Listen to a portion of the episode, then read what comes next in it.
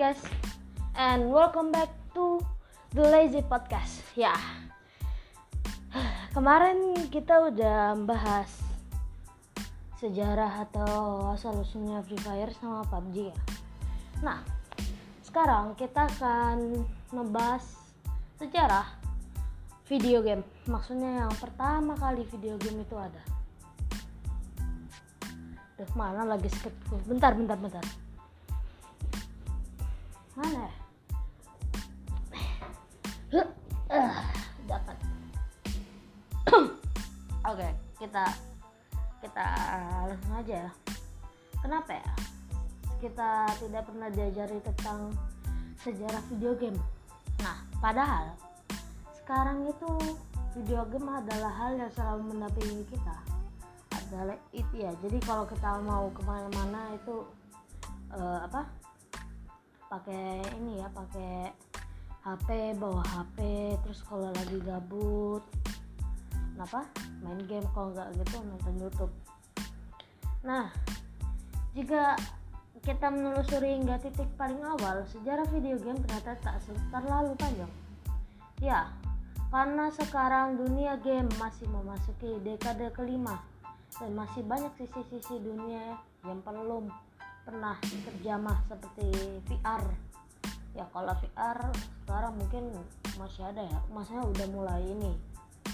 Yuk kita lihat cara atau history of gaming. Mulai dari 1700, 1975 sampai masa dari 1970 hingga 1975 pada 1972 arcade game adalah arcade game pertama di dunia rilis pertama kali yaitu Pong. Game tersebut menjadi legenda, membuat anak-anak kala itu mendatangi restoran dan toko-toko hanya untuk bermain. Wow. Dan di tahun itu pula salah satu sebelumnya game konsol pertama telah dibuat bernama Magnavox Odyssey Konsol ini dikisahkan sebagai konsol yang pertama bekerja sama dengan Nintendo untuk mengembangkan teknologi game lainnya. Oh, ya kalau kalian tahu ya, kalau kalian udah itu ada itu Nintendo yang lama banget itu dulu banget. Oke, kita langsung berlanjut pada 1976 sampai 1980. Untuk singkat ya, kita pengen 1980 19 sampai selanjutnya oke okay? oke okay.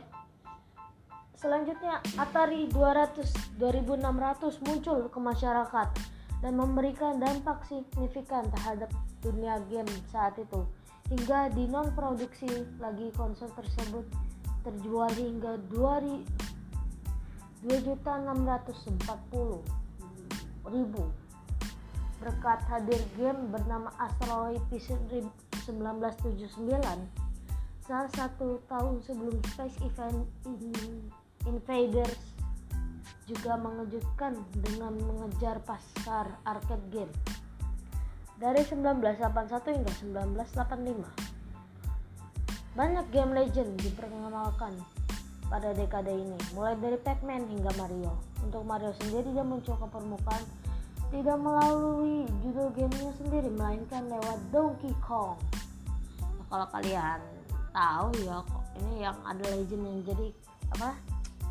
Uh, yang kayak kita lompatin barrel terus nyelamatin Peach tahu kan yang ada Donkey Kongnya juga di sini. Nah pada 1000 oh bentar. Oke. Okay. jadi mulai Mario itu mulai muncul lewat game Donkey Kong di tahun 1981.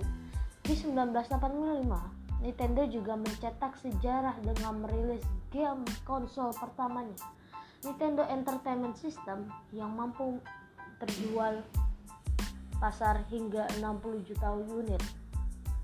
Itu apa apa namanya tuh? Itu makin gede daripada Atari 2000 2600 ya Oke, kita berlanjut sampai 1986 sampai 1990. Persaingan dunia game semakin ketat. Banyak perusahaan baru yang sangat menjanjikan dalam menggarap konsol game seperti Sega merilis Sega Genesis dibarengi dengan karakter ikoniknya yaitu Sonic Silandak atau Sonic. Ya. Pada era yang sama, game PC juga mulai berkembang. Ya mungkin kita apa uh, ke depannya mungkin ini game PC juga ya. Banyak permainan. Oke kita lanjut lagi. Banyak permainan yang sangat modern datang dengan konsep-konsep baru. Seperti John Maiden Football adalah salah satu game legenda yang datang dari PC di era ini game handheld. Game handheld pertama juga hadir bernama Game Boy pada 1989 hingga terjual 118 juta unit. Kita beralih kepada 1991 hingga 1995. Nintendo mencoba kembali peruntungan dengan menghadirkan Super Nintendo atau SNES walaupun tidak sesuai sesukses Game Boy tapi Nintendo cukup meraup keuntungan yang besar pada era ini salah satu game kontroversi kontroversial muncul di mesin arcade bernama Mortal Kombat. Nah ini Mortal Kombat, Mortal Kombat ini game yang pertama ini pada awal di ini. Game ini berusaha menyaingi ketenaran Street Fighter kedua yang berasal dari Jepang. Pada 1995, melihat pasar game yang terus berkembang, Sony pun mengeluarkan konsol gamenya yaitu PS PS1 yang di mana pada era itu menjadi konsol terfavorit terfavorit orang. Oke, pada 1996 sampai tahun 2000 tidak butuh waktu lama bagi Nintendo untuk mengeluarkan konsol terbarunya dengan nama Nintendo 64 Ya, mesin ini menjadi saingan PlayStation kala itu, diikuti dengan harga hadirnya Sega Saturn. Era ini juga mengawali game interaktif macam Dance Dance, Dance Dance Revolution yang membuat pemain tanya menatap layar tapi juga bergoyang. Ya, yeah. Bergoyang. Ya. Yeah. Oh ya, yeah game online juga mulai diperkenalkan pada era yang sama jadi oh jadi ini mulai ada game era ah wow. pada 2001 hingga 2005 pada maksudnya PlayStation kedua atau PS kedua ke pasar Sony mencapai masa kejayaannya konsol tersebut terjual hingga angka 150 jutaan kopi.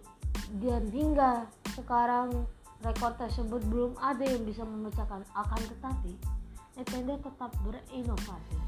Dengan memperkenalkan GameCube, Nintendo DS serta Game Boy Advance, Nintendo membuktikan dirinya sebagai perusahaan yang paling aktif dalam mengembangkan game. Era ini juga memperkenalkan dua hal yang baru, yaitu pertama, kehadiran Steam, yang kedua adalah Xbox Console Xbox konsol yang diproduksi oleh Microsoft.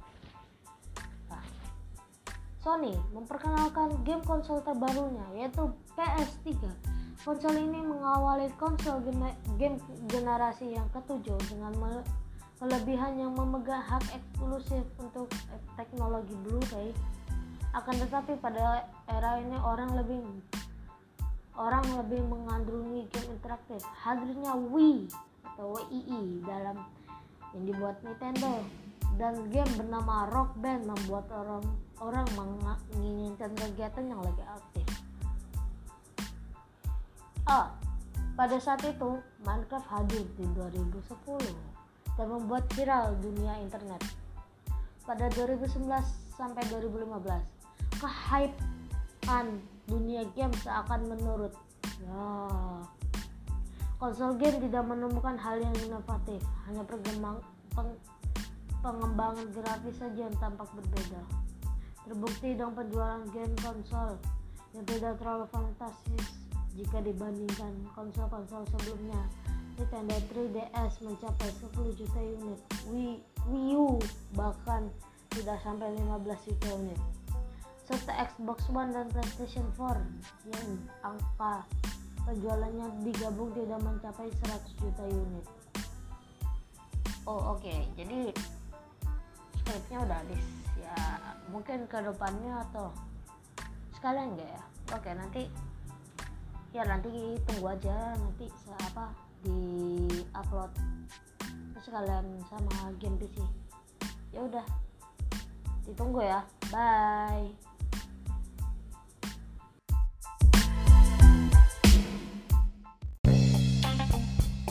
Hai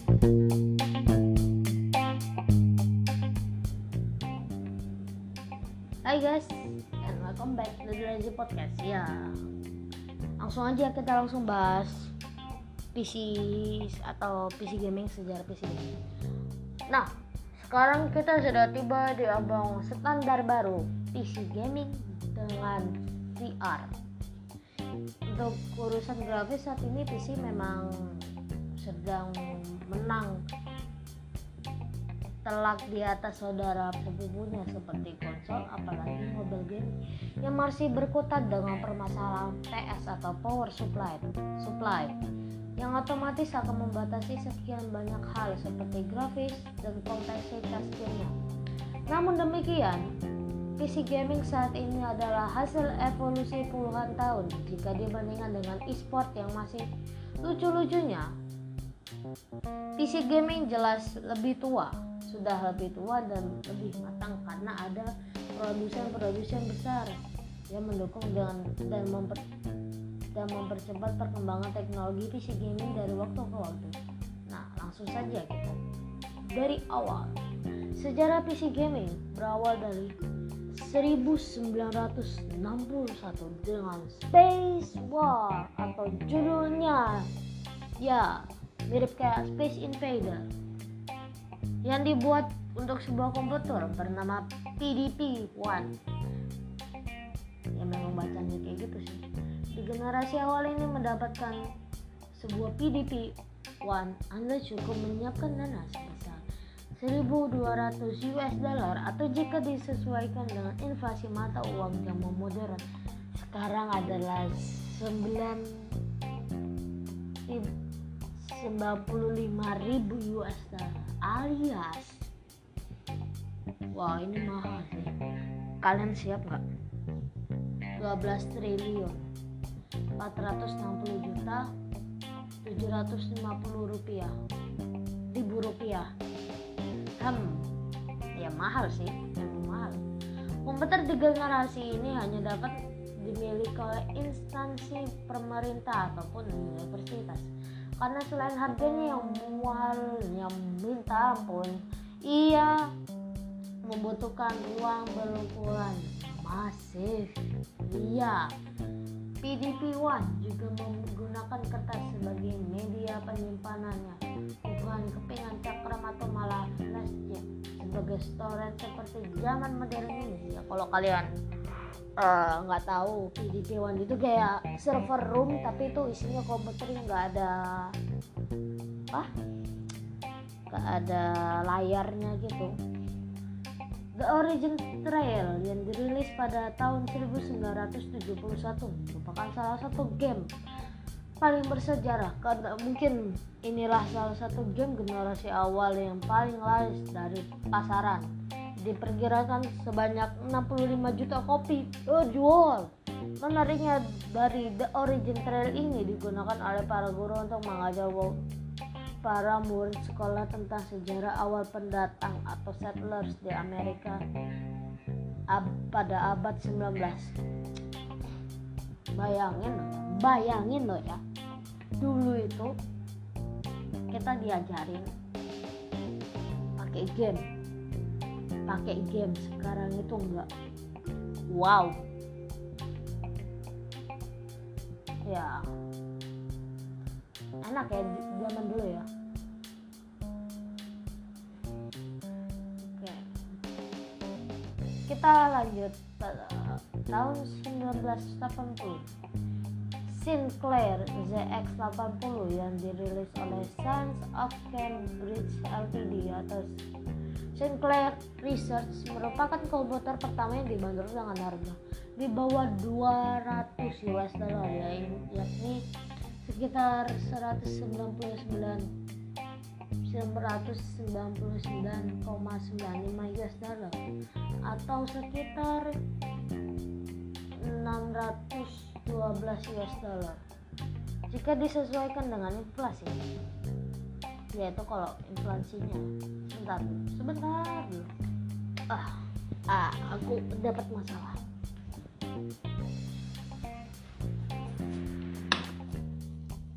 Iya baterainya mau habis. Ayolah. Maaf ya guys kalau terganggu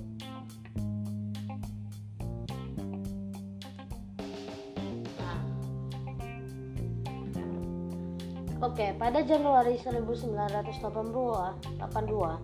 Comrade International merilis Comrade 64 yang masuk dalam rekod Guinness World Record atau rekor dunia dalam kategori high highest selling singles komputer model of all time alias komputer paling laris sepanjang masa.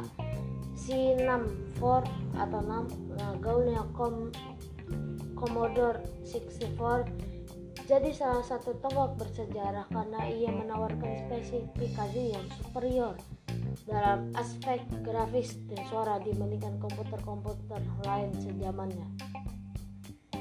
Pada tahun 1983, seri yang merilis sebuah game yang legendaris berjudul, berjudul Inquest 1 yang awalnya ditujukan pada platform IBM PC Junior. IBM kayaknya kenal deh. Game ini adalah game ini jadi salah satu aspek paling penting karena inilah game pertama yang mengenal grafis yang dinamis. Karena sebelumnya game hanya menggunakan layar-layar grafis yang statis. Saat dasawarsa berlalu pada tahun 1992, PC gaming mulai menunjukkan superioritasnya dengan merilis game 3D pertama mereka, yaitu Wolfenstein 3D buatan ID Software Developer dan dirilis oleh OPG, OPG Software Publisher. Pasalnya, di tahun yang sama, game konsol masih berkutat dengan game 2D, sedangkan PC sudah satu langkah lebih maju di zaman ini. Oh, di zaman ini, karena semua komputasi grafis dijalankan dalam tingkat software, kebutuhan akan prosesor kencang semakin tinggi. Karena itulah prosesor prosesor Pentium dari Intel mulai mendominasi pasaran. Tahun pada tahun Pak, pada tahun 1995 yaitu tiga tahun setelah PC satu maju lang satu masa lebih unggul NIF dia merilis produk pertama yang bernama NV1 merupakan sebuah kartu multimedia PCI dengan 2D dan 2D plus slash 3D graphic core yang berbasis wah. Ini uh, susah-susah juga ya ini bahas komputer ya. Quadratic texture mapping. Game legendaris Virtua Fighter dari Sega adalah game pertama di dunia yang menggunakan teknologi tadi tersebut. Kemudian kemudian 3 DFX Interactive merilis Voodoo di tahun 1996 dan hal ini menjadi salah satu tonggak paling bersejarah di dalam PC game sejarah PC game. Pada Pasalnya, produk ini mengawali ide ide bahwa kartu 3 DFX tersebut yang akan mengurusi semua kalkulasi 3D dan menyerahkan kalkulasi 2D untuk komponen PC lainnya. Tahun 1996 ini, ID Software kembali mengibarkan bendera sebagai salah satu developer yang paling berpengaruh di sejarah PC gaming dengan merilis Quake.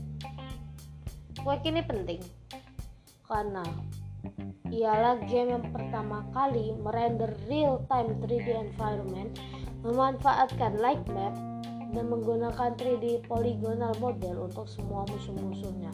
Karena di dalam game sebelumnya, semua karakter musuh menggunakan sprite ataupun model 2D. Tahun 1995, Voodoo 2 atau VS 1000 kalau nggak salah 90 MHz clock memory dan core merupakan kartu grafis pertama yang mengizinkan kita bermain game di resolusi 124 kali 76 apa nih? Wah itu kalau zaman dulu itu wow. Yang kemudian resolusi tersebut menjadi standar baru PC gaming selama bertahun-tahun kemudian. Ya pada tahun satu tahun selanjutnya setelah 1998 pada tahun 1999 dia merilis kartu grafis GeoForce pertama mereka yaitu GeoForce 256 sayangnya di tahun 2002 G3 FX interaktif bangkrut. Meski ia merupakan salah satu pengusaha yang paling berjasa di perkembangan grafis PC gaming. Kabar baiknya, Nvidia sudah mulai mengaku kuisisi sejumlah aset TDFX di tahun 2000. Jadi tidak semua teknologi canggih dari tadi itu hilang berbekas namun justru dilanjutkan oleh satu perusahaan yang paling aktif dan berpengaruh di perkembangan PC gaming. Mulai dari saat itu, PC gaming berlari kencang. Steam. Ya, pada tahun 2002, Valve memil merilis Steam. Steam. Kalau kalian nggak tahu Steam, wah, parah sih itu namanya itu. Steam ini juga menjadi penting karena mereka lah mempopulerkan distribusi game digital yang akhirnya saat ini juga digunakan di platform mobile. Tahun 2003 ketika proses-proses terkencang hanya berlari dalam kecepatan 1, masa 1, slash eh dash 1,3 GHz AMD merilis Anton Athlon 64 yang berkecepatan 2 GHz. Dua kemudian 2005 AMD merilis CPU dual core pertama mereka yaitu wait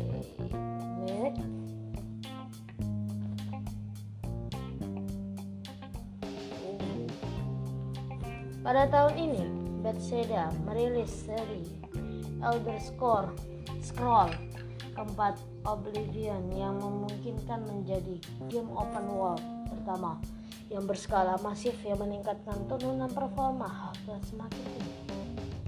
Sabar.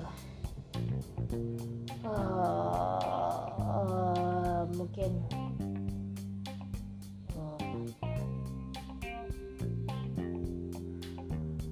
Ya mungkin ini dilanjutin besok ya. Soalnya ini udah udah apa? Sudah agak terlalu lama mungkin lanjutin besok jadi bye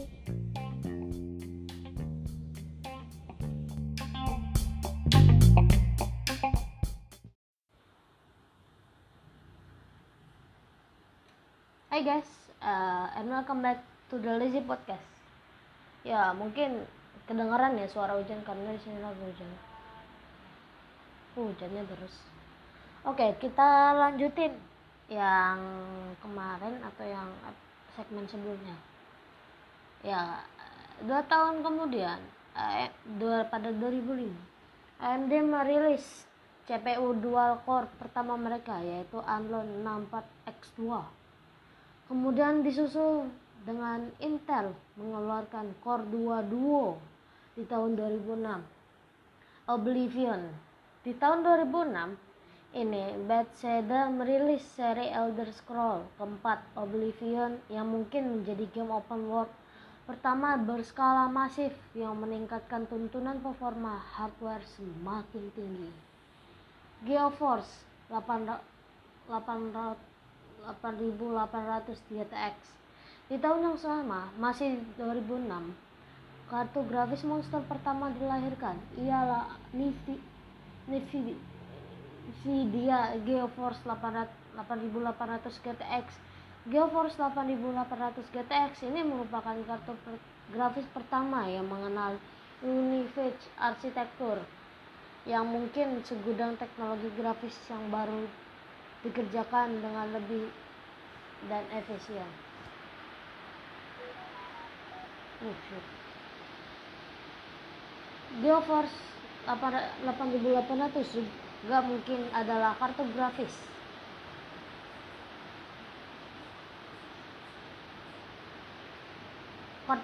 Pertama yang menjejalkan segudang komponen dan jutaan transistor, tepatnya 600 801 juta transistor. Itu wah itu banyak itu.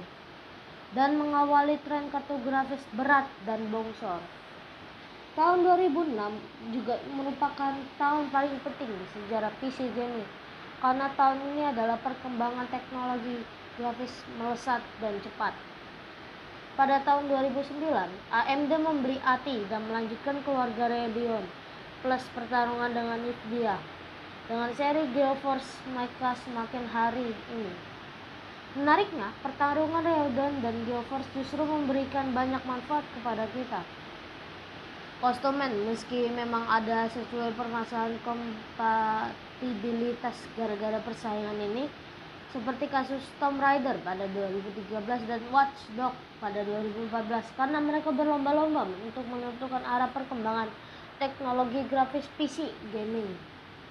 Akhirnya, jujur saja, ini uh, skrip ini hanyalah sesuai sejarah PC gaming karena ada ribuan atau bahkan jutaan hal yang terjadi dari 1961 sampai 2016. Ya mungkin kita nggak lanjutin karena udah apa lama juga ini, ini cari informasi yang susah. Oke ini singkat. Iya ternyata ini singkat. Uh, oke okay, guys mungkin sekian dari saya dari podcast ini yang kita dari berawal dari sejarah video game sampai uh, secara PC gaming. Ya mungkin ke depannya kita akan bahas game uh, bahas game nggak tahu bahas game apa nanti tunggu aja mungkin. Lusa nanti oke okay, bye